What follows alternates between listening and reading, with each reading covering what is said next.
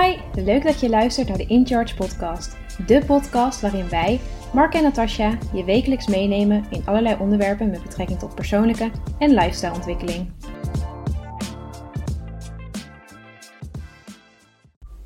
Iedereen heeft doelen en iedereen wil die doelen graag behalen.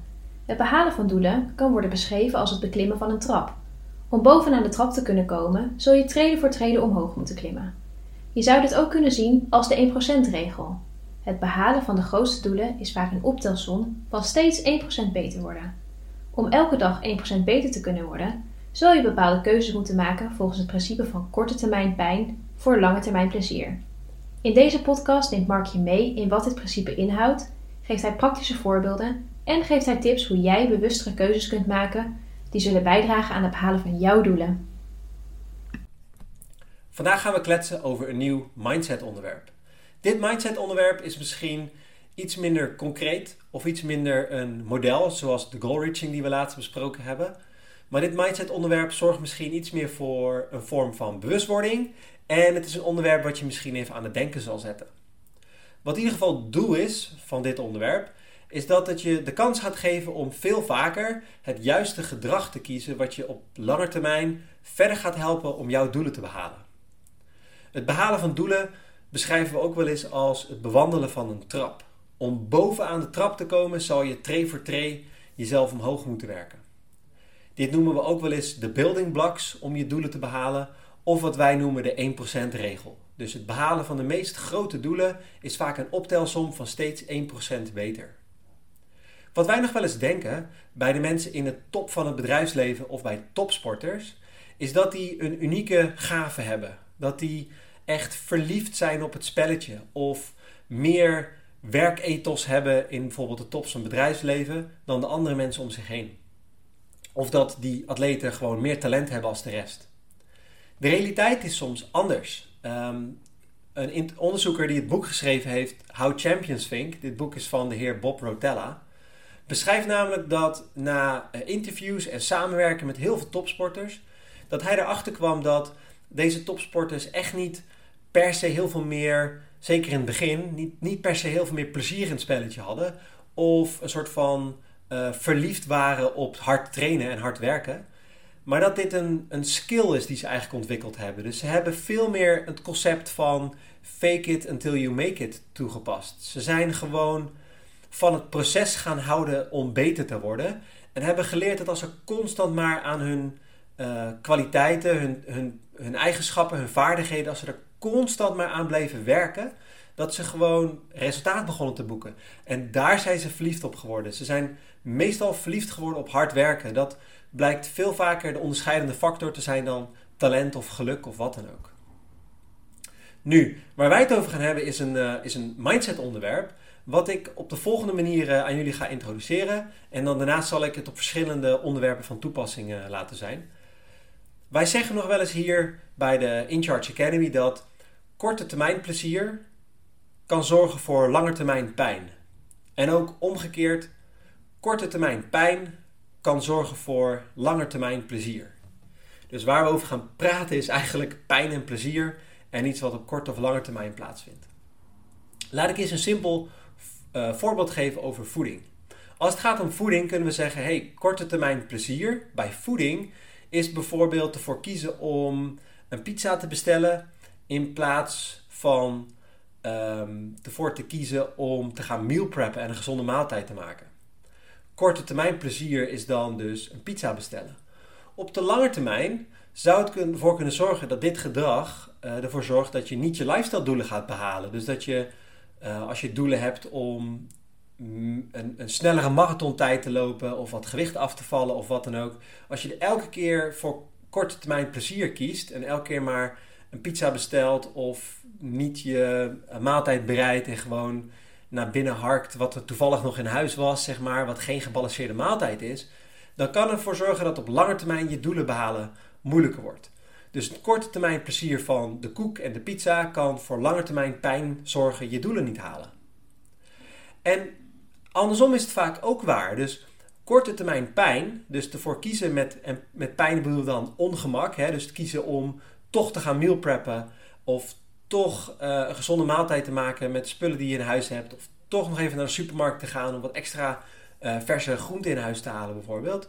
Ehm, kan voor lange termijn plezier zorgen. Kan ervoor zorgen op de lange termijn uh, dat je je lifestyle doelen wel gaat halen. En dat je wel progressie blijft, blijft maken op je doelen. Maar we noemen dit langer, korte termijn pijn. Omdat ja, um, toch gaan meal preppen is veel meer moeite. Um, en ook misschien wel minder leuk. En eventueel voor sommige mensen ook wel minder lekker. Dan een pizza bestellen. Dus op korte termijn is het niet altijd leuk. Maar op lange termijn levert het wat op. In principe is dit super logisch. Maar wat wij zo ontzettend interessant vinden, is dat het op zoveel dingen van toepassing is. Ik heb nu een voedingvoorbeeld gegeven. Maar in trainen vind je het ook terug. Dus op korte termijn sporten en hard werken en jezelf afbeulen is vaak iets wat heel veel mensen helemaal niet leuk vinden.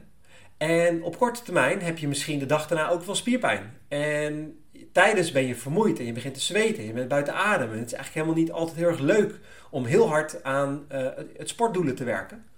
Maar op lange termijn pluk je daar de vruchten van. Op korte termijn is het bijvoorbeeld ook chiller als het gaat om sporten om ja, misschien wel niet te gaan sporten en toch na het eten op de bank te blijven hangen en Netflix te kijken. Maar op de lange termijn werk je dan niet naar je doelen toe.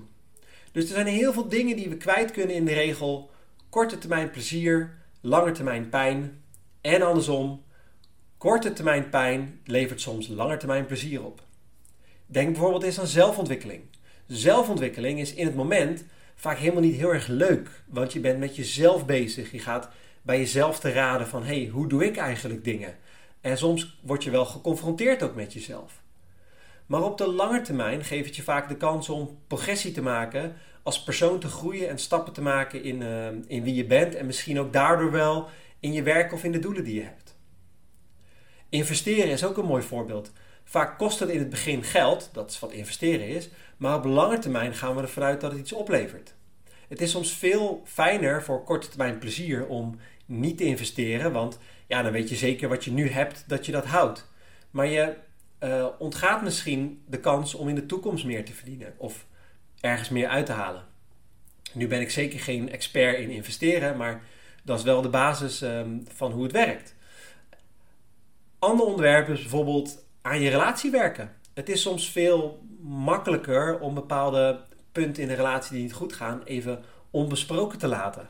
Maar ja, op de lange termijn kan dat wel zorgen dat het onbegrip naar elkaar groter wordt.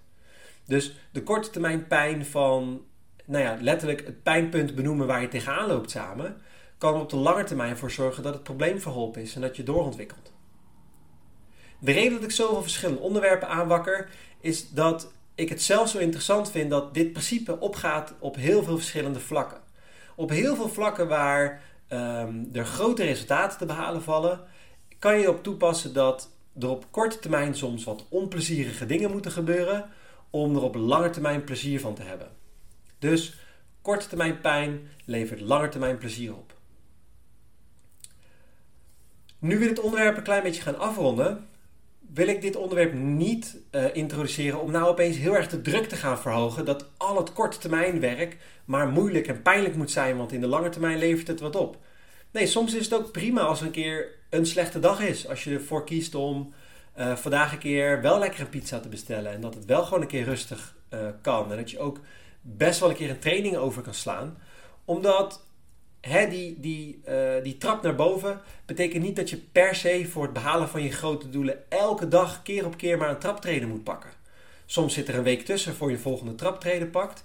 En één slechte dag maakt nog geen slecht proces. Morgen is gewoon weer een nieuwe dag en kan je er weer tegenaan.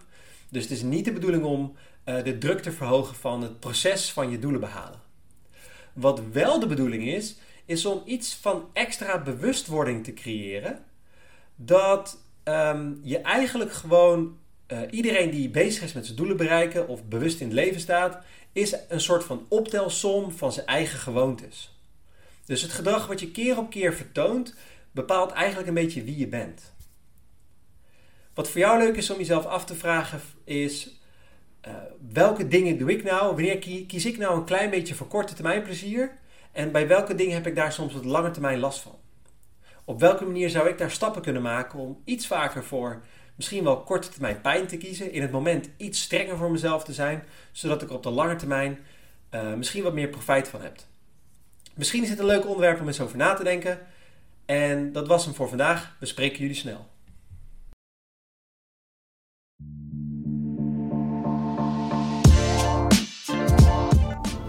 Leuk dat je hebt geluisterd naar onze podcast. Zit je na het luisteren met een persoonlijke vraag? Stuur ons een berichtje via www.incharge.academy. Dan nemen wij contact met je op voor een gratis kennismaking. Vond je het onderwerp interessant en ben je benieuwd naar meer? Neem dan eens een kijkje op onze podcastpagina en onze Instagram. Heb je feedback of tips voor ons? Of heb je een onderwerp waar je graag meer over zou willen leren? Laat het ons weten. Wij hopen in ieder geval dat jij volgende week weer luistert. Tot dan!